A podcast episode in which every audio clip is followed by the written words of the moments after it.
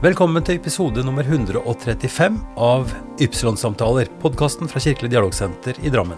Navnet mitt er Ivar Flaten, og i denne episoden snakker jeg med Siyong Park.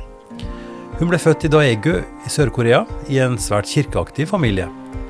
Som fireåring begynte hun å spille piano, og utvikla talentet sitt hos flere lærere. Hun reiste rundt i Korea for å få eh, undervisning, men reiste enda lenger, helt til Tyskland, da hun ville fortsette studiene sine med orgel og kirkemusikk. Og der traff hun Abraham Besoyen. I 2010 traff de til først, og så ble hun seinere invitert til å spille konsert i, i, i Øvre Eiker. Nå jobber Si-Jung som kantor der, og reiser i tillegg rundt som konserterende organist, både alene og sammen med Abraham. Dattera deres er multispråklig, med norsk som dagligspråk hjemme og i barnehagen. Men koreansk og nederlandsk kommer naturlig i prat med mor og far, og med familiene i Sør-Korea og Nederland. Takk. Takk for at du ville ta imot meg. Tusen takk at du inviterte meg. Eh, du eh, spiller orgel. Ja. Eh, Profesjonell musiker. Og jeg må også si med en gang at du er da i en eksklusiv gruppe av samtalepartnere jeg har. For jeg snakka med noen ganske mange, faktisk, eh, Ja. organister. Ja. Eh, Jørn Fevang, Ja. naturligvis, i Drammen. Ja. Eh, men også en som heter Abraham Besoyen. Og han er du godt kjent med. ja. Som er mannen min. Ja, ja. Hvordan hadde det seg at dere ble kjent? Da var jeg fortsatt student i Tyskland, mm. i Leipzig. Det var jo vel Jeg tror jeg ble kjent med Abraham sånn om 2010 eller sånn. Mhm, Og så ble jeg invitert til konsert mhm. til Haug kirke. Som musiker? Uh, ja. Ja. Så det var elleve eh, Jeg tror jeg spilte konsert i juni. Mhm. Slutten av juni, eller mm, Ja. Mhm. Det var like før jeg hadde min siste eksamen i Tyskland. Det var i Leipzig den tiden. Ja.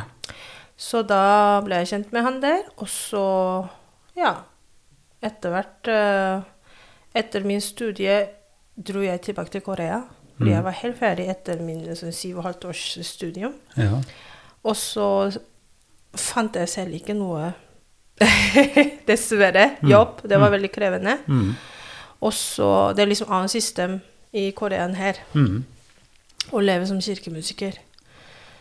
Så da tenkte jeg OK, da må jeg finne ut hva jeg skal. Skal jeg bare gjøre noe annet og tjene penger i Korea, eller jeg drar tilbake til Korea eh, Nei, unnskyld, eh, tilbake til Tyskland eller eh, USA, mm. som man kan leve med som kirkemusiker, Mm. eller en av skandinaviske land. Mm.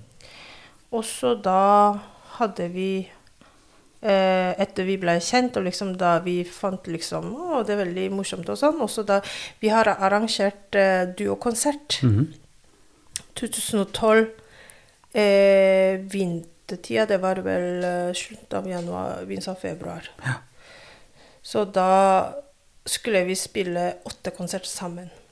I Norge, fra sør til nord. Rett og slett en, en Eh, duokonsertturné. du- du- turné. Ja. Så da Så da kom jeg hit, og spilte vi konsert sammen. Og så dro jeg tilbake til Korea. Og så fortsatt var jeg litt i vurderingsmodus. ja. Og den gangen, faktisk, jeg tok jo Jeg søkte en stilling i Sirdal. ja. Jeg veit ikke det, det, det ligger et sted i Sirdal er altså på, på Vestlandet, over, over fjellet, på en måte, Ja, mot i, ja, i jeg, vis, jeg ja. visste ikke hvor det var, men da det var en sånn en, en stilling som var ledig. Ja. Og så tok vi Skype-intervju, mm. og så sa han kirkevelgen den gangen du står egentlig på første liste med all greie, Mm. men vi har en annen søker som har litt mindre liksom, kompetanse, men han har bodd allerede i Norge og jobbet litt. Mm. Og han kan språk, og liksom han kjenner mer. Mm. Så da de valgte han, så hmm. Og da etter hvert skjønte jeg at her i Øvre Eiker kirkelige fellesråd, de hadde jo 50% ledig ja. stilling. Mm. Og så da fant jeg ut et, etter hvert at uh, som student får man lov til å jobbe maks 50 ja. Så da pakket jeg kofferten, og kom jeg hit. Ja. Og så begynte jeg vikarer i sommer eh, 2012, tror jeg. Ja, det var 12. Mm. Da kollegaene gikk, øh, gikk øh, på ferie også, da tok jeg noen tjenester. Ja. Men min første lønnsliv fikk jeg da oktober Ja. 2012. Veldig, det er interessant. Det er ganske lang reisevei da, fra Korea til, til Sirdal, eh, og et interessant intervju med Skype. Ja. Så, så sant, det med nærheten er jo viktig, og språket helt sikkert. Men, men la oss spole litt tilbake. Ja. Altså, det er flere ting jeg er nysgjerrig på. Det ene er jo at du sier at du har en kirkemusikkeksamen fra Leipzig. Og når jeg tenker Leipzig og kirkemusikk, så tenker jeg naturligvis Bach. Og, og kirken der han eh, gjorde tjeneste lenge. ja, ja. Du var også i en, en Fortell litt om studiet der, for det var den andre delen. Du hadde tidligere også studiet i, studert Ja. i Tyskland. ja. Jeg er opprinnelig uh, utdannet som pianist. Jeg har studert kun piano Mhm. til uh, jeg var jo 22-23. Fra tre? Eh, Fra tre nei, til 23? nei, altså, ja, jeg begynte å være fireåring, Ja. piano på piano, og så da jeg studerte kun piano. Jeg hadde jo bachelor piano fra Korea, Mm. Også da, men alltid eh, hadde jeg interesse for orgel. Mm. Jeg er jo fjerde generasjon i min familie som er kristen. Mm. Min eh, da er det eh, oldefar, eller femte, da vel. Tippoldefar. Tippoldefar. Tip. Han, den gangen han eh, begynnelsen av 90-tallet, han jobba et eller annet med maskiner i Kina. Og så han fikk jo kristendom, og så han bringet det til hjemmebygda si. Og så da min oldefar, han bygde kirke i bygda si, og han hjalp veldig mye sånn eh, teologstudenter og sånn, med økonomi og sånn. Så den gangen de eh, hadde god råd, da, fordi de hadde store gård. Ja. Og satt eh, mange år som leder for fellesrådet, menighetsrådet. Så, og veldig kjent mann for uh, bispedømmet som frivillige, sånn Ja, ja. støttespill. Mm. Så jeg er vokst opp i kirken, ja. for å si det sånn. Og min pappa satt også mange år i kirke som, som, som leder for uh, fellesrådet, menighetsrådet, formann. Så interesse var alltid der, men da jeg støtte bare piano også, da eh, eh, Slutten av min bachelor fikk jeg virkelig til å studere orgel. ja. Så da jeg bare bestemte meg, og så fikk jo liksom bare sånn kort undervisning hos eh, en bekjente lærer, Mm. som var organist. Og så da jeg forberedte meg for uh, kun opptaksprøves repertoar, så det Da dro jeg til Tyskland. Så ja, det var Ja, starten. Ja. Eh, Du, du, du kommer litt til forkjøpet, for du begynte å snakke om bakgrunnen din, og jeg tror vi skal forfølge det sporet litt, ja, at vi snakker Ja. litt om det. For det er jo veldig interessant. Jeg sitter nå og leser en stor biografi eh, av en som heter Reichelt, som reiste fra, fra Norge, fra Arendalsområdet, til Kina, og ble en veldig viktig Kina-misjonær. Men han, hans, hans eh, fortjeneste når vi ser tilbake, det er mange ting, naturligvis, men han var også veldig interessert i det å, å, å samtale da først og fremst med buddhister Mm. for å forstå deres både teologi og deres måte å tenke om liv og verden på. Ja. Så han har betydd veldig mye for, skal vi si, for, for den dialogiske, eller den måten å kunne snakke sammen med folk av forskjellige Ja. bakgrunner, da, og har Mm. blitt viktig for noe som heter Areopagos, som er en viktig organisasjon i Norge. Men du sier at din, hvis vi da sier at det var din tippoldefar som Ja. var på jobb i, i Kina, og, og møtte kirken der, hva slags bakgrunn hadde han? Var han buddhist, eller var han taoist, eller vet, Det, du det? det vet jeg ikke. Nei. Det er jo sånn som sagt tippoldefaren min, så, Ja. men bare jeg hørte fra min eh, bestemor og min mamma. Mm. Men eh, nok, de hadde jo Kina de hadde jo eh, fått litt mer før Korea, kanskje, og det er mye, mye større land, ikke Ja, sant? At uh, der nok fikk han mm, kjent med noen, eller fikk kristendom, rett Mm, og slett, ja, ja, ja. tenker jeg. Eh, Så kom han, og du sier at han var aktiv med at han la til rette for å skulle ha kirke og, og jobbet i kirken. Eh, Hvordan husker du tilbake på den tiden? Var det å, å gå i kirken eller være kristen, det var det Det er ikke akkurat mainstream. Var, eller var det et flertall av kristne i, i det, sted, hvor, det stedet hvor du bodde, bodde og vokste opp? Eh, hos meg, ja. Ja. Eh, det er nok Det har blitt enda mer flertalls, men det var jo den gangen også gode kirker. Mm. Altså, i Korea er det som i USA. Eh, alle kirker er selvstendige. Det er ikke sånn noe statskirke Mm. Nei, eller nei. ikke, sant, ikke Mm, noe sånn skatt. Nei. Så da alle kirker må jo greie seg sjøl, Mm. for å si det sånn. Ja. Også da mm, Ja. Så det Men eh, det har blitt mye mer eh, kirke. Men også ikke sant, noen kirker som giga. ja. Om det er hvilken Ja, sånn i og disse store, Ja. store Ja. Sånn som i Amerika også, ikke sant? Sånne predikanter som trekker veldig, veldig, veldig masse, masse, masse folk. Ja. Eh, Men, men den kirken du vokste opp i, det var en mer vanlig kirke Ja, som en kunne sammenligne med kirken ja, her. hvor jeg bodde der, altså det var en av, en av største kirker. Ja. Og så Hva het stedet du kommer fra? eh, Det er Dego. Det er. Det er jo Seoul er hovedstad, hovedstad, og så Busan er andre største, Mm. Ja. og Degu er det tredje største ja. i midten, da, sånn ja. geografisk. Så det er en av eh, kjente sånn navn, for å si det sånn. ja. Så Mm. det er jo veldig mye tilbud, og eh, Stor, stor by. Cirka hvor mange er som bor der? Jeg tror i Degu bor jo halvparten av norske befolkning. Ja, 2,5 millioner. ja, bare Ja, ja, i Degu. ja, ja. Så ja. Jeg er vokst opp søndagsskole. Mm. Til jeg var jo ja, sånn mm, slutten av ungdomsskole, videregående skole. Mm. Så det var hver uke. Hver søndag, søndagsskole. Hadde jo Og det er liksom Asia er mer sånn konkurranseinstinkt, ikke sant. Mhm. Så da Vi hadde jo mm, regelmessig konkurranse for eh, sang eller musikk, også under kirkens regi. Hva slags konkurranse kunne det være? Ja, og så liksom Man, man kunne eh, lese mange eh, bibelvers utenat. Mhm. Fra sånn til sånn, ikke sant? Ja. Virkelig- Så det var konkurranser i det også? At man skulle, Ja. at man skulle stå fram og lese utenat? Ja, ja. virkelig utenat. Ja. Ikke sant? Også jeg har vært jo nå fire uker siden i Korea Mm. besøkte familien min. Min niese er jo snart eh, sju år. Mm.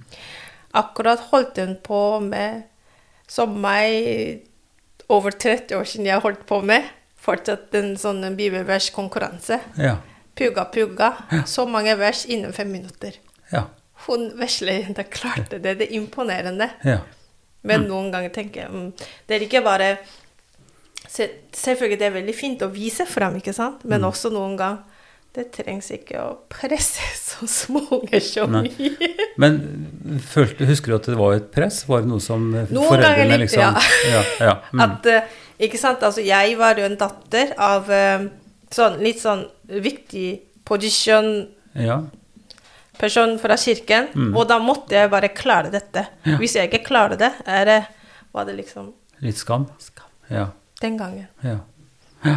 Så det, men jeg syns litt press er alltid fint. Mm. Om det er skolearbeid, idrett eller hva som helst. Men altså, noen ganger var det litt Når jeg nå tenker tilbake, var det litt kanskje mye. Mm. Men jeg merka ikke det Nei. nok. Eh, Har du søsken? Ja. Ja.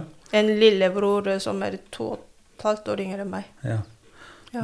Så da var det ikke så mye konkurranse dere imellom? Du var mer et forbilde eller et eksempel for han? Ja, og vi, vi har uh, litt annen sånn personlighet, Mm. så Men kan hende han følte seg nok det.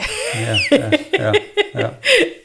Nettopp. ja. Uh, var det noe, altså Du sier en konkurranse eller et, et press eller sånt for å kunne prestere det og huske å lese bibelvers. Men hadde dere noe musikk tilsvarende på musikk? Altså at, at dere fikk spille eller være med på kor eller sånt i kirkelig regi? Ja da, Mhm. absolutt. Jeg var jo sånn uh, kirkens uh, barnekorpianist mange år. Også da jeg var ungdom, da jeg var, eh, jeg var sånn dirigent, aspirantdirigent eller sånt. da. Hvor mange Så. kunne være med i koret? Hva slags kor var det egentlig? Det er egentlig sånn ordentlig Vi hadde jo sånn ungdomsgudstjeneste. Mhm. Så da hadde vi sånn vanlig eh, Synger eh, sånn solosang hver uke. Og så bli med på alle salmesang som forsangergruppe. Ja. Så det er jo Ja. Eh, Beskriv en sånn gudstjeneste. Er det mye folk? Kommer det mange i kirken? Ja. Når du tenker tilbake nå på Ja, din egen det er jo hver uke Også ikke sant, siden når det, det er den store kirker, de har ikke bare klokka for eksempel 11. Nei. Det er også i Korea liksom gode som Alle jobber så veldig mye. Også noen eh, Det var ikke før, da jeg var liten, men det har blitt mer og mer uh, Søndagsåpne veldig vanlig. Mm. Også store kirker opprettet flere ganger på søndager gudstjeneste. Klokka f.eks. halv åtte. Mm. Klokka 9.30. Mm. 11 og klokka 13. Og så da kveldsgudstjeneste som er klokka 18 eller 19. Ja.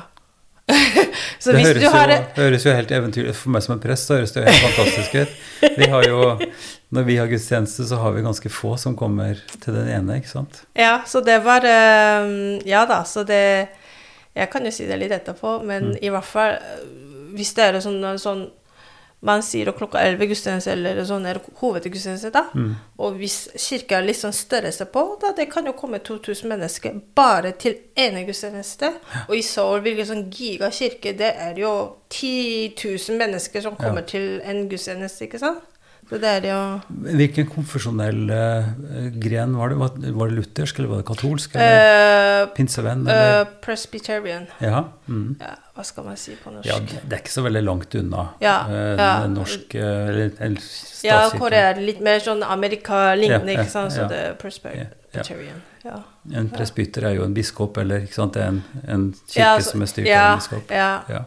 Mm. Så um, Så det er jo Og da var det salmesang, det var bibellesninger, eh, bønner, Ja. nattvær, dåp. Natt, ja, nattvær, eh, og, nattvær og dåp skjer ikke hver eneste uke i Nei. Korea. Og det var liksom I Tyskland heller skjer ikke så ofte. Nei. Det var liksom eh, en, en sånn nye ting for meg da jeg begynte å mm. jobbe i, her i Norge. Mm. Nattvær var ganske ofte. Ja. Og, så det var liksom I Korea var det Jeg tror fortsatt én gang per semester. Og det er veldig strengt Mm. hvis du er ikke eh, konfirmert. Da skal, Da får, du ikke- ikke, får du ikke lov til dette. Nei, nei. Så det er mer strengt.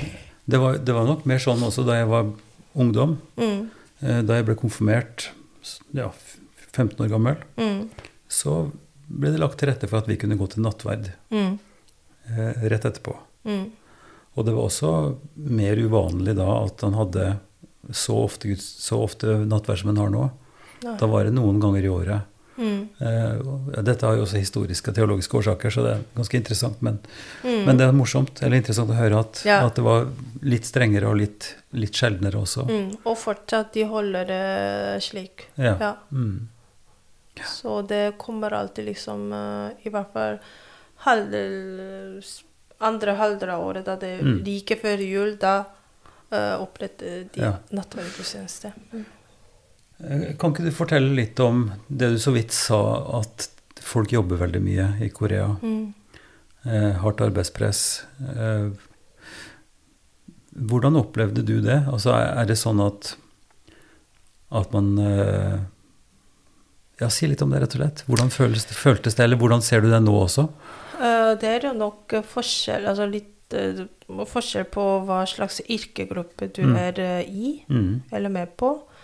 Men i hvert fall uh, musikk uh, Hvis du har jo sånn professorjobb, da har du sikker jobb. Men ikke alle 10 000 kan bli professor. Nei. Og det er ikke bare at du har jo fått bra karriere eller uh, sånn, men det gjelder om også bekjentskap.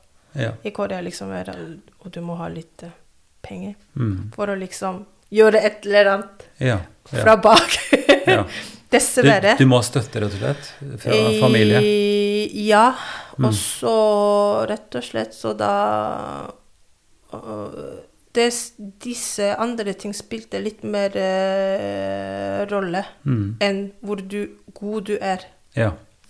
Og så det, da møter jeg litt veggen. Jeg Mm. visste allerede det, Mm. men eh, å oppleve det virkelig på huden etter jeg var ferdig studert og Mm. tilbake, også, Mm. var det veldig, veldig vanskelig.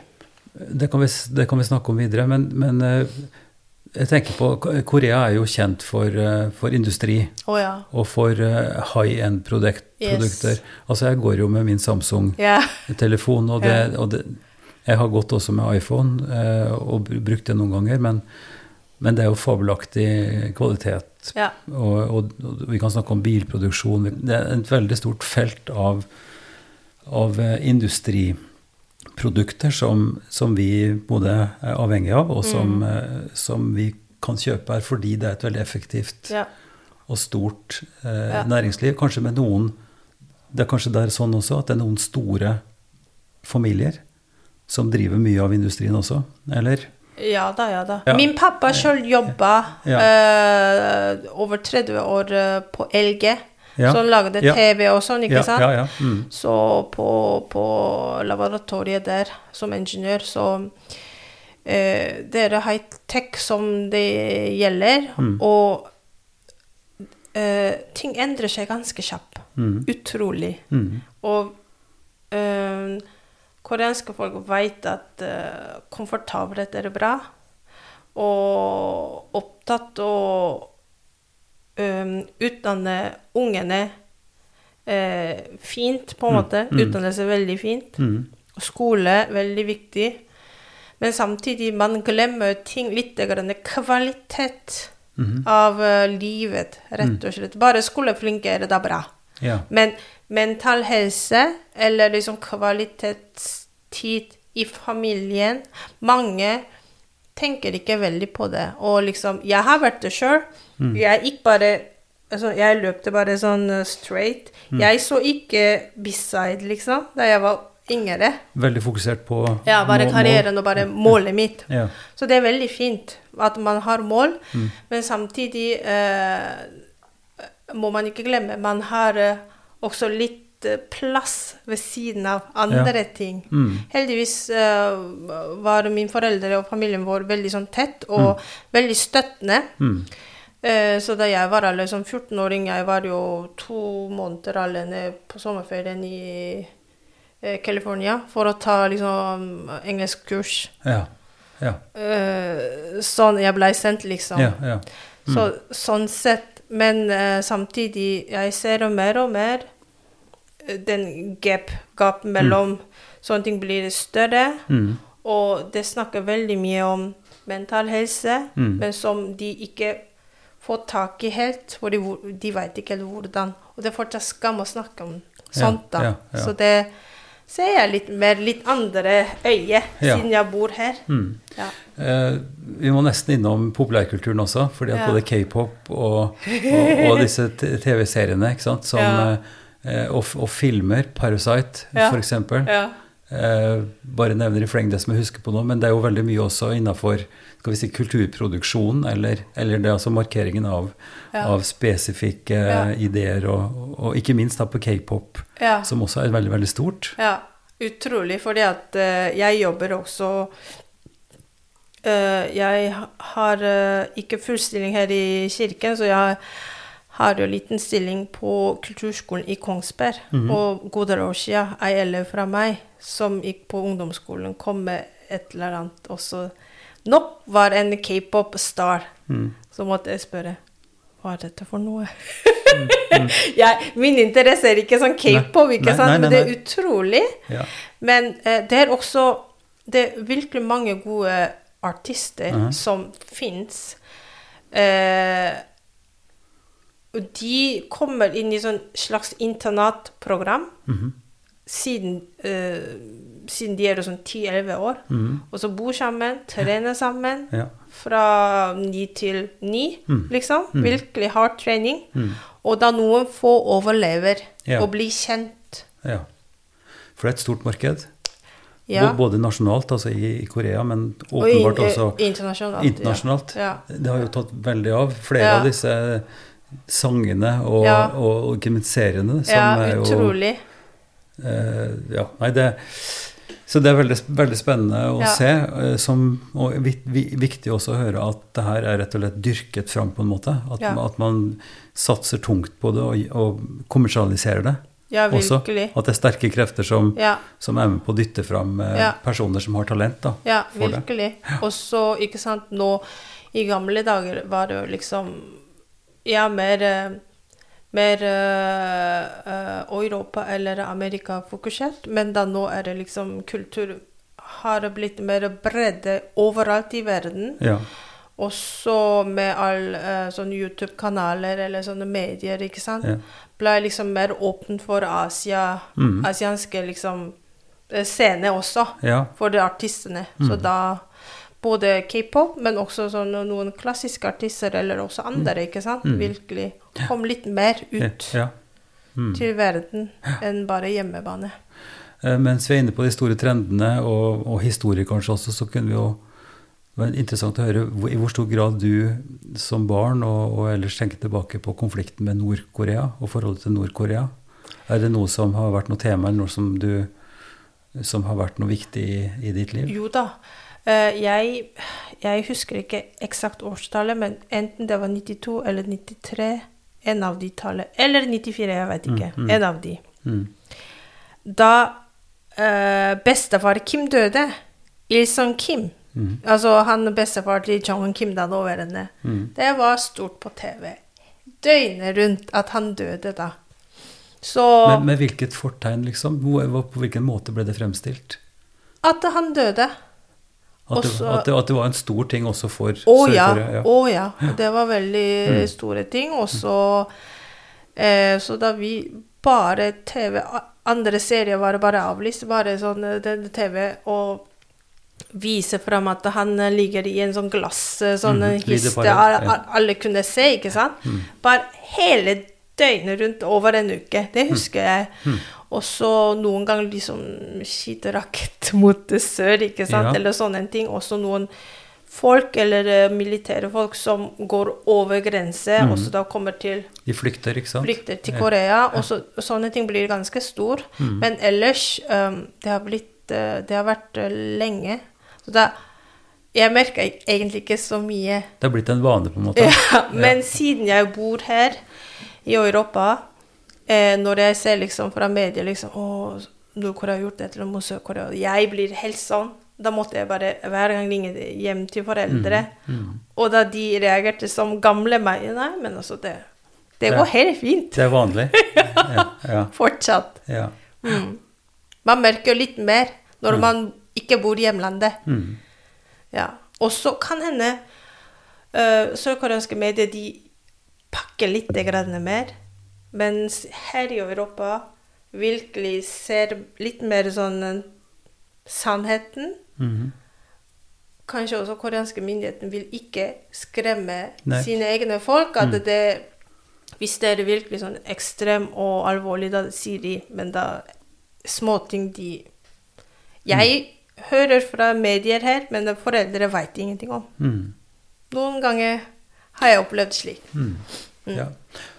Eh, Vi skal ikke snakke politikk, egentlig, men, men det er jo også helt påtagelig at f.eks. USA har nå en mye større interesse for, for Kina og for, for Østen enn for Europa.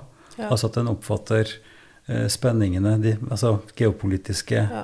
utfordringene knytta mye til ekspansjonen i Kina, og, og så klart de interesse, interesseområder rundt, rundt Kina, både Japan og, Ja. og Korea, og Ja. at, eh, at forbindelsen til USA åpenbart er veldig viktig. Ja. Ser det f.eks. på Taiwan-problematikken også. ja. Egentlig, altså Ikke sant. Korea er fortsatt under krigen. Vi, Ja. har, bare, vi har bare Cold War. Ja. Men det er jo pause over Mm. 60 år, ikke sant? Det var jo 53 ble jo pause til nå, da. Snart. Det er jo 70 år. 70 år. Mm. Og det har vært siden Vi fikk jo veldig mye støtte og hjelp av eh, US Army. Mm. Og det var eh, veldig mange US Army station i Mm. Korea, Mm. Sør-Korea. Mm. Det har blitt litt mindre. Mm. Og vi prøvde å liksom bli kvitt Mm. Men US Army vil ikke. Så det, vi har jo fortsatt noen. US Army stations. Fordi at de må bare finger i Korea, Sør-Korea. Ja, ja. Så derfor vi får ikke kvitt dem. Nei, det er nok, det er nok et sånn både og. Det er både et ønske om å kunne stå alene, men også en type avhengighet også internasjonalt av Ja. å kunne samarbeide. ja, Eh, ja. Spenningene øker jo naturligvis her i Norge også nå med, med Russlands eh, angrep på Ukraina, og at, at det fører også til at, at stater søker mer sammen enn man har gjort før. For en, en føler på en, en slags trussel da, som åpenbart også må kjennes i, i Sør-Korea nå. Ja, heldigvis var i gamle dager liksom liksom, Vi måtte jo nesten, selv om vi hadde egen eh, sånn regjering, Mm. nesten vi måtte jo spørre om for lov i gamle dager, 60-70, sånn, mens vi var under utviklingstida. Mm. Så da Det er ikke så lenge. Absolutt ikke. Mm. Men uh, det varte god del år. Har jeg, har jeg lært på en måte under historiefag, da. Mm. Ja, ja. Ja. Ok. ehm, du snakka litt om din egen målbevissthet eh, og din egen skal vi si, tunnel for å skulle utvikle musikken din, vil jeg Ja. tro. Ja. Eh, Du begynte tidlig, du, du begynte med piano som fireåring. ja. Eh, Hvor fort ble dette noe som du virkelig ville sjøl? For først var det foreldrene åpenbart som, Ja, ja, ja. som lå til rette og så videre. Men på et eller annet tidspunkt så skjer jo det med de fleste av oss som går på musikkundervisning, at, at nei, nå gidder vi ikke mer. Nå blir det andre ting som er mer morsomt, så da orker vi ikke. Men for å bli profesjonell musiker, Mm. så må du på et eller annet tidspunkt komme i en sånn modus at dette skal jeg. Ja. Det var nok like før uh, videregående skolestart, tror jeg. At jeg ville Jeg har valgt det sjøl. Mm. Men da måtte jeg vise også liksom frem at uh, jeg må være litt mer uh, sjølgående med øving, eller litt mer liksom Enda fordype meg Mm. enn bare liksom å ha øvd eh, ja, en time, halvannen time, og that's it. Nei da, hver dag tre timer. Sånn skikkelig. Så da Det var like før videregående skole. Hva var det som var grunnen til at du ville dette så sterkt? Egentlig, jeg var jo eh, I gamle dager var jeg liksom Jeg lærte ganske fort. Både som skole og så andre ting. Mm. Så da, hvis jeg øver lite grann, da var jeg allerede bedre enn andre. Så det, det var fint, men uh, på et tidspunkt ah, Dette var ikke greit, faktisk. Nå må jeg bare sette, meg, sette foten sjøl. Mm. Hva jeg vil med det. Skal jeg fortsatt skal jeg bli virkelig sånn ordentlig, eller um, da må jeg gå, velge enten å studere jus eller mm. medisin eller sånne ting, da. Mm. Men jeg har virkelig Det var jo livet mitt, på en måte. Og det var liksom leit hvis jeg skulle slutte. Mm. Så da OK, satser jeg på det. Så det ble sånn. Var, var dine foreldre skeptiske til det? Altså for Man sier jo tradisjonelt sett at, at det å velge en kunstnerisk bane, om det er musikk eller maling eller hva det er, Mm. litteratur, så er det en mer risikabel vei i forhold til det f.eks. å ta en legeutdannelse eller sånt, noe hvor man Ja. på en måte er sikra både lønn og kanskje mer status osv. Ja, absolutt. Og så, ikke sant eh, Det koster det veldig mye å sende. Jeg hadde en periode like før opptaksprøve siste år på videregående skole. Jeg hadde tre forskjellige leirer. Tre forskjellige lærere. Ja. Og så jeg dro Jeg hadde en, en sånn en time i Seoul. Så hver, hver uke, jeg, hver helg, jeg måtte dra til Seoul enten med fly eller buss. Kosta skjorta pluss uh, timelønn til min lærer og andre to lærerne i det Daegu også. Men det betyr at dine foreldre tok utfordringen og kunne betale? ja! For dette, dette kunne ikke du betale sjøl? Nei. Nei, ikke sant? Ja, så det var jo full eh, Men da hadde vi en sånn avtale at da må du satse på, ellers gjør vi ikke det. Nei. Så da måtte du virkelig vise fram. Mm. Og så Nei, altså det, foreldre ofret jo veldig mye. Ja, ja, ja. Nei, men, men det ser vi jo på sport òg. Altså hvor viktig det er med foreldre som følger opp og reiser på renn og, og, og satser på og støtter opp. Så det blir jo på en måte et familieprosjekt. ja. Men de var jo ikke med deg når du skulle ut og øve, så, så det blir noe litt annet likevel.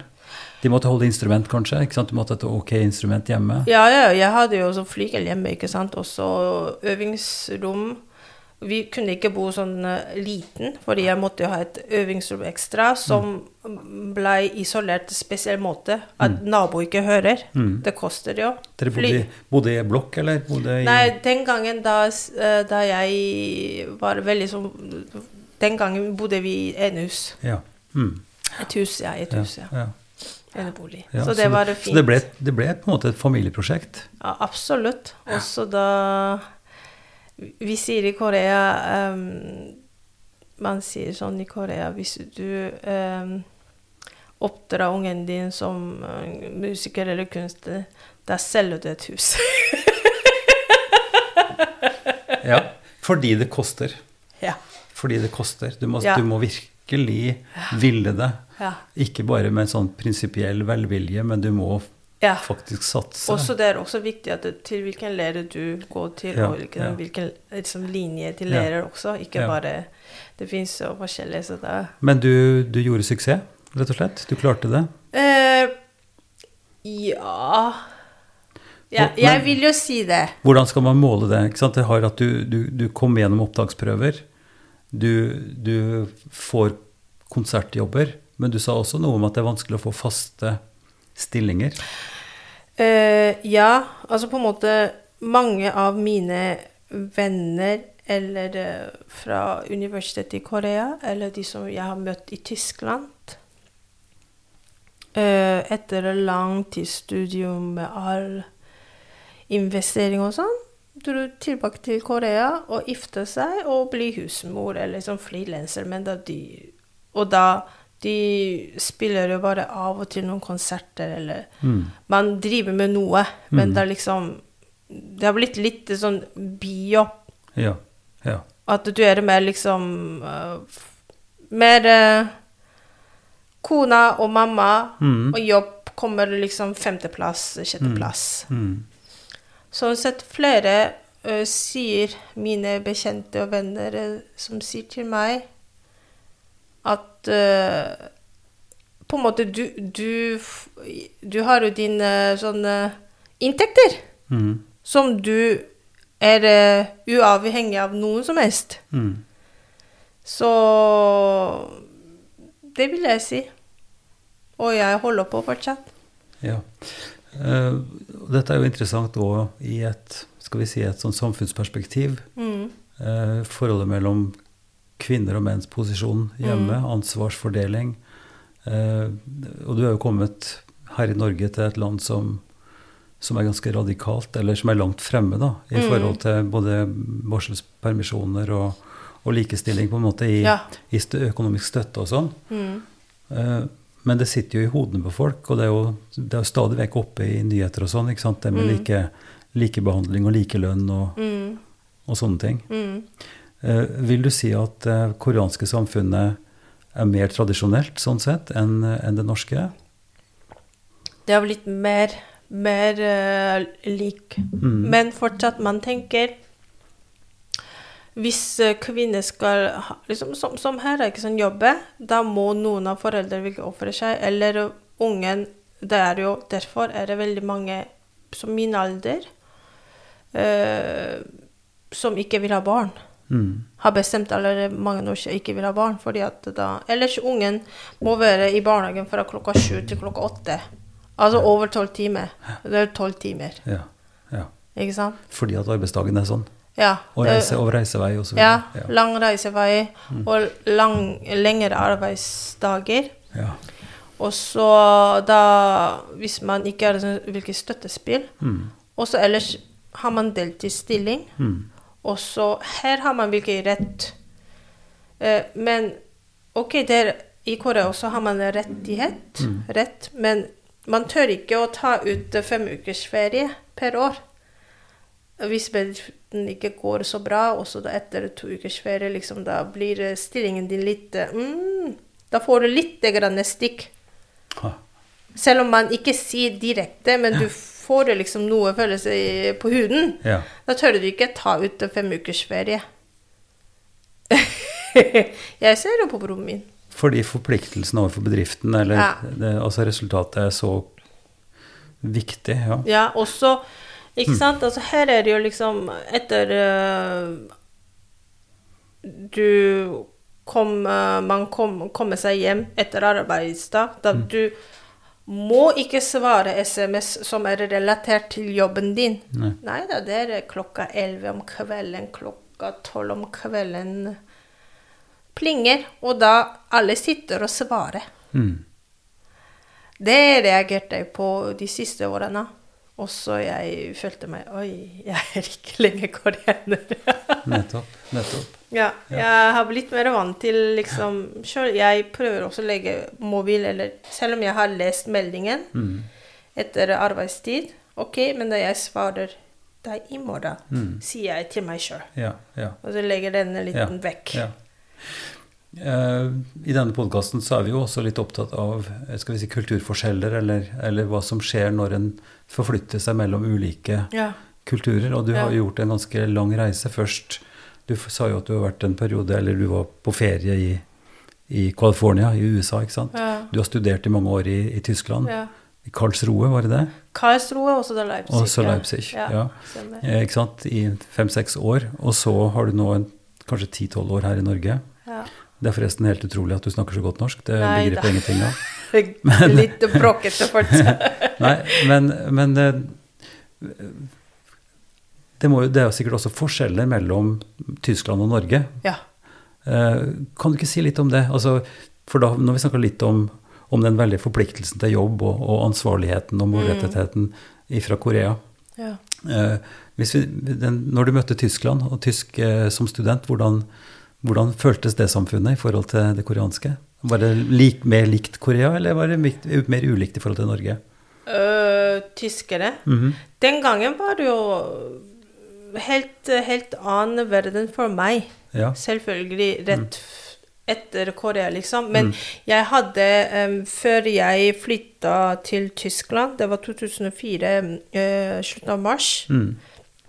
Men eh, jeg var jo allerede to ganger uh, To måneders omgang mellom halvt års mellomrom. Jeg var i Østerrike alene. ja. Mm. Sånn uh, kurs og liksom sånn eh, sjøl, liksom Ja. sånt, da. Og det er jo ganske likt kanskje med Tyskland på en måte? Eller? Ja, Ja. og både språk og liksom kulturmessig, så da det var ikke veldig fremmede. Men eh, samtidig, da man har et mål at jeg skal gjennom med studiet og leve og sånn så Jeg fikk økonomisk støtte fra hjemmet, da, fra Mm. foreldre. Mm. Men det er liksom en helt annen mentalitet.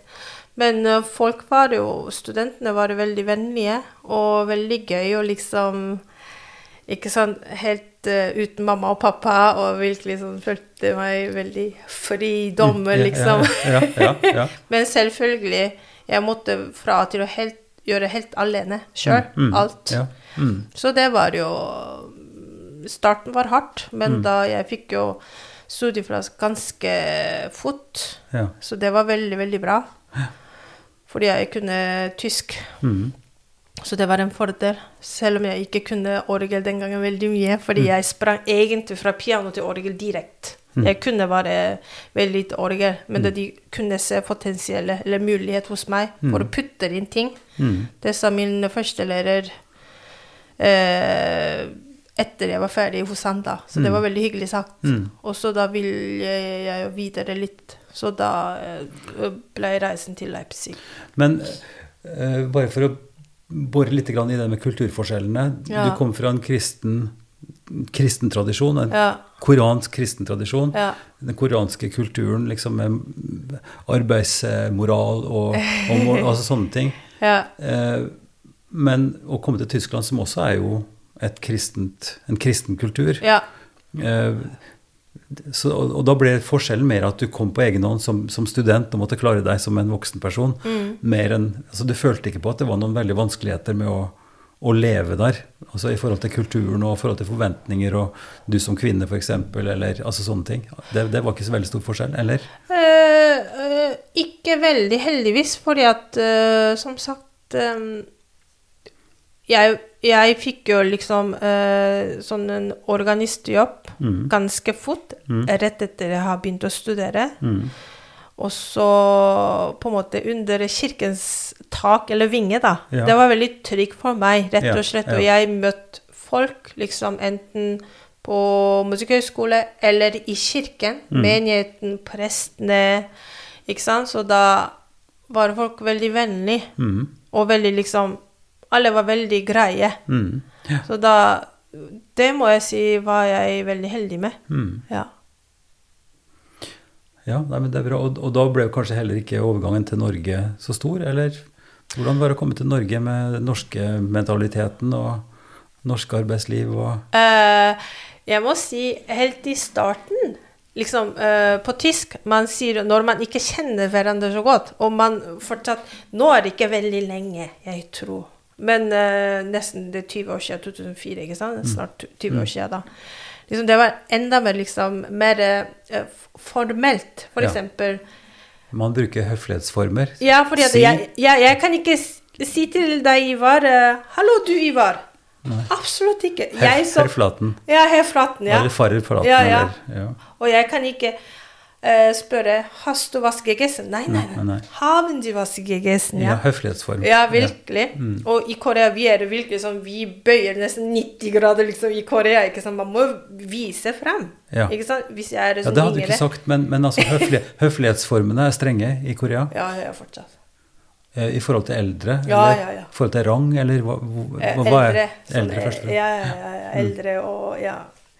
Så, men da, da jeg kom hit, også da den gangen min eh, første kirkevelger, han var allerede over 60.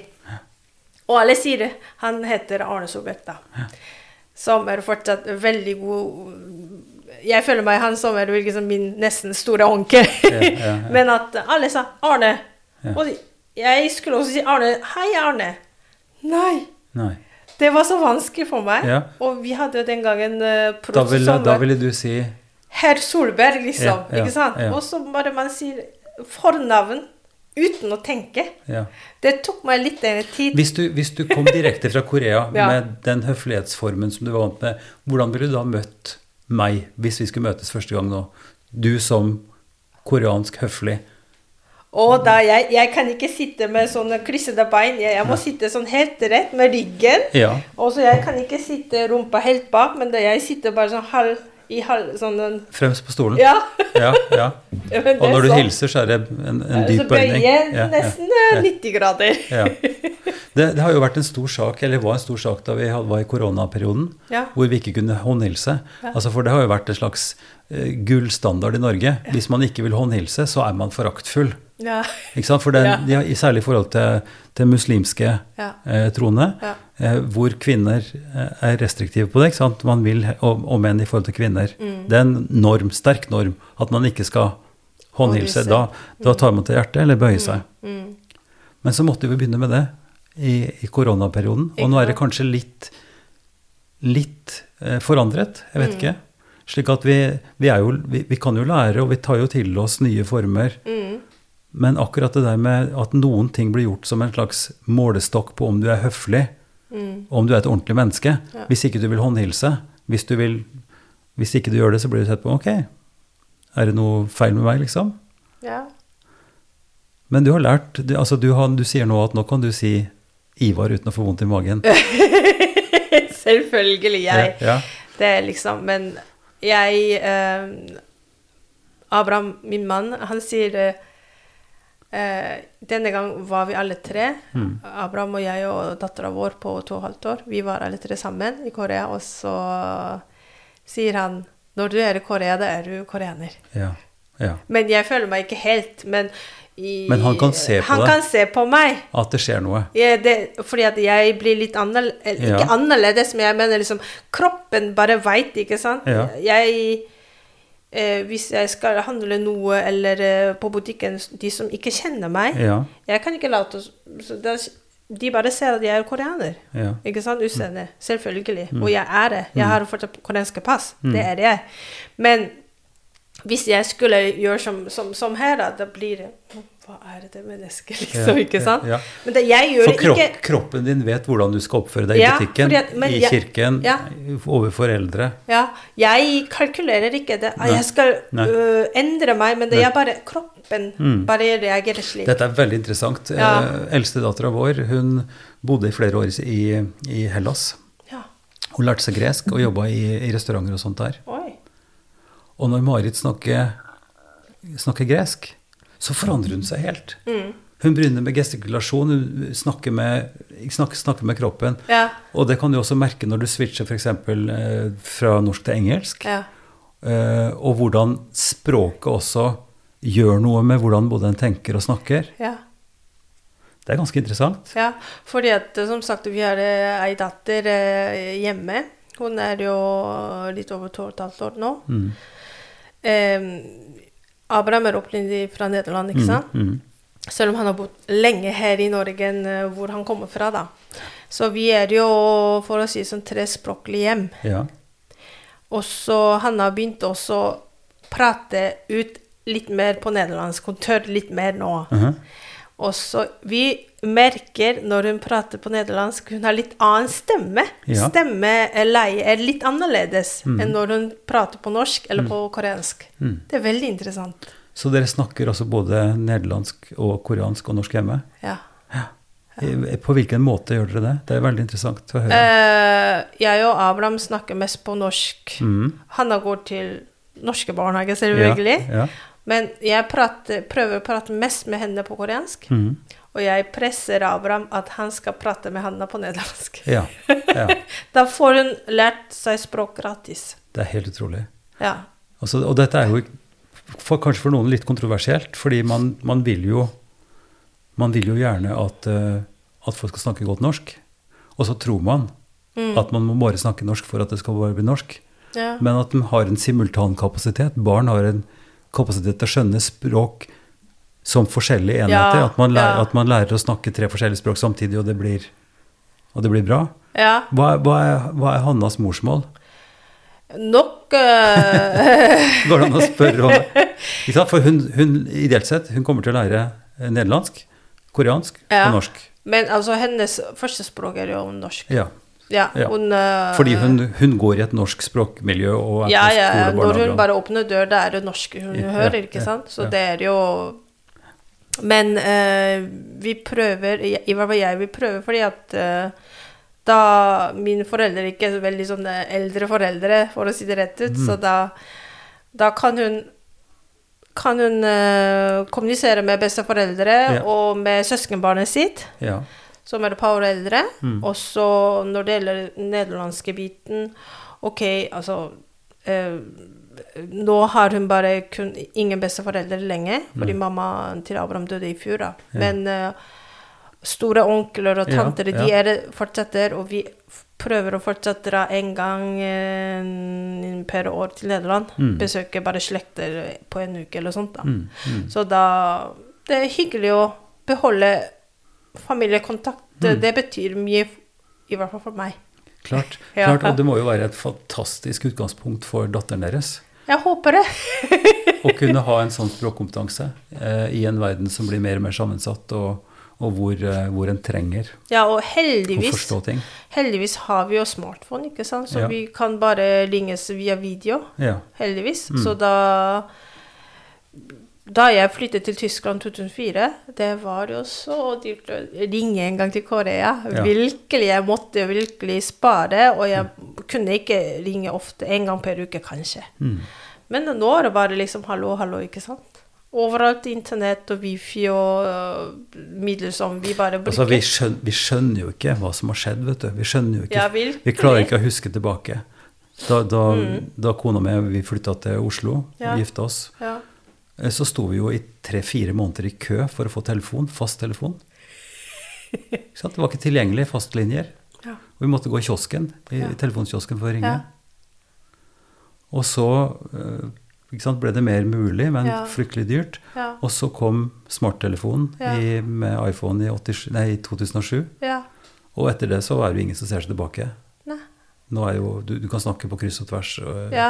når som helst til ingen pris. Nei, ikke sant. Ja, det vil si, det, noen, noen må jo betale, det ligger jo kostnader og sånn, men, Men det har blitt mye billigere. annen, ja. øh, en har helt annen uh, At uh, teknologi har utviklet seg så fort gjennom så kort tid. mm, Så det er uh, takket og føre.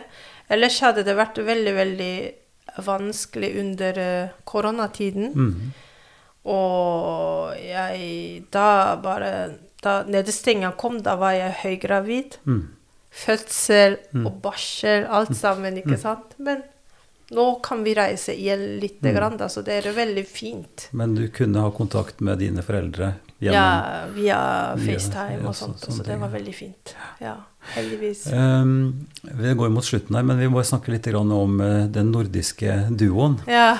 Eh, dere har et ganske ser på hjemmesiden din at, Ja. som er morsom, og ser på historien også. Ja. Men dere har et ganske intenst eh, konsertprogram. ja. Reiser mye. Ja. Altså både Abraham og du er konsertorganister. ja. Um, lever av, eller har fast inntekt på fast organistjobb her i Øvre Eiker. Ja. Eh, og som du sa også i Kongsberg. Men, men også uh, Hvorfor er det så viktig å konsertere? Uh, fordi det er jo For Abraham er, for Abraham er også det, men for det er identiteten vår. Ja. Selvfølgelig, altså på jobben, kirkelige handlinger, gudstjenester og altså konserter via, gjennom jobben, Mm. eh, gjør vi også masse. Men altså som organist utover, eh, hvis man ikke har eh, et mål, da skal du bare være mm, sånn eh, mm, daglig organist, men du eh, gjør det ikke mer, og det betyr i hvert fall veldig mye for meg. Mm. Selvfølgelig nedstenging og mammaperm og alt sammen. uh, var det litt vanskelig, og siden vi ikke har noen foreldre rundt oss, uh, måtte vi liksom velge ok, en periode du går ut og spiller din soloprogram. Mm.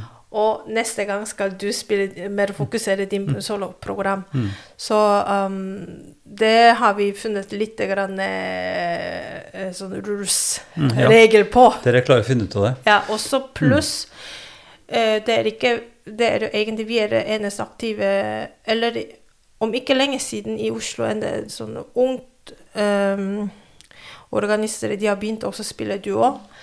Eh, men vi er ellers eneste som er aktiv orgelduo i Norge. Mm. Og, og vi utfordra noen komponister som kunne skrive verk til oss Mm. for orgelduo, da. Så det betyr veldig mye for oss. Ja. Mm. Jeg ser det på programoversikten, altså komposisjoner og sånn, at det er, det er noen norske, ganske nye Ja. komponister som dere Ja. spiller. Ja. Så det er et verk som er nesten ferdig for oss. Mm. Og så har vi utfordret også ei kvinnelige som um, er veldig positiv Mm. for å gjøre den jobben. Mm. Så det, hun sa at eh, om hun får støtte eller ei, vil hun skrive for oss. Det er veldig, veldig hyggelig, Mm. syns vi. Ja. At uh, norske uh, skal utfordres, og det skal kommes ut. Mm. Enn ikke bare som i siste århundre år. Mm. Ja. Eh, musikk er kunst, og musikk er også håndverk. Eller det handler om, om eh, motorikk, det handler om reflekser, det handler om å holde ting ja. oppe. Ja. Jeg har en bror som er jazzmusiker, og han spiller bass, jazz, altså bass den store bassen, Ja, kontrabass. kontrabass, og, og må jobbe flere timer for å holde fingrene sterke nok osv. Ja. Eh, hvordan klarer dere det, som to utøvende konsertorganister, å få nok øvetid? ja, det er jo Før vi fikk Hanna, vi kunne bare møtes hjem litt, også da hver, hver for seg. Ja. Men da nå, heldigvis, har vi et lite pipeorgel hjemme Mm. i stue. Mm. Så da en Hvis vi må øve samtidig, da, Mm. en kveld Da en sitter hjemme i stue og øver, og andre går til kirken. Så Mm. vi trenger ikke å krangle. Nei. Hvem skal Nei. øve? Men det må mange timers spill til i uken Ja. for å holde repertoaret oppe og for å holde teknikken oppe, eller? Ja da, absolutt. Og så da må vi bruke liksom imellom små Selv om det blir bare halvtime, men selvfølgelig mengder er viktig, men mer liksom hvor konsentrert og hvor intensivt det er. Halvtime intensivt. Mm. Det hjelper veldig mye også. Ja. Og så da mellom jobben lite grann. Og så kvelden eller nattstid. Mm. Ja. Så vi må bare bruke litt. Jong, vært veldig veldig interessant å snakke med deg. Ja. Takk for eh, at du ga meg tid, og lykke til med både Hanna og de tre språkene og, og øvelsene og konsertene fremover. For de som er interessert, så har du en eh, fin hjemmeside Som vi kommer til å legge- ut på når vi presenterer podkasten her, så kan folk følge deg på konsertene, både med deg og Abraham og, du, og duoen. Ja, tusen hjertelig takk at uh, jeg kunne få være med. Og det var uh, en, en ære. Ja, Tusen takk skal du ha. Takk, takk for det. Takk. Vi er nå i gang med sesong fire. År nummer fire i Ypsilon-samtaler. Podkasten er fortsatt støtta av eh, Drammen kommune gjennom eh, IMDi-midler, eh, av Einar Juels legat og fra Barne- og familiedepartementet. Vi planlegger ca. 40 episoder også i 2023, og er veldig interessert i innspill med forslag til personer som vi kan invitere og snakke med. Ansvaret for uh, podkasten den er det undertegnede, Ivar Flaten, som har. Og jeg produserer de for Kirkelig dialogsenter i Drammen. Du når meg på e-post ivar krøllalfa ifd.no. Jeg håper at jeg hører fra deg.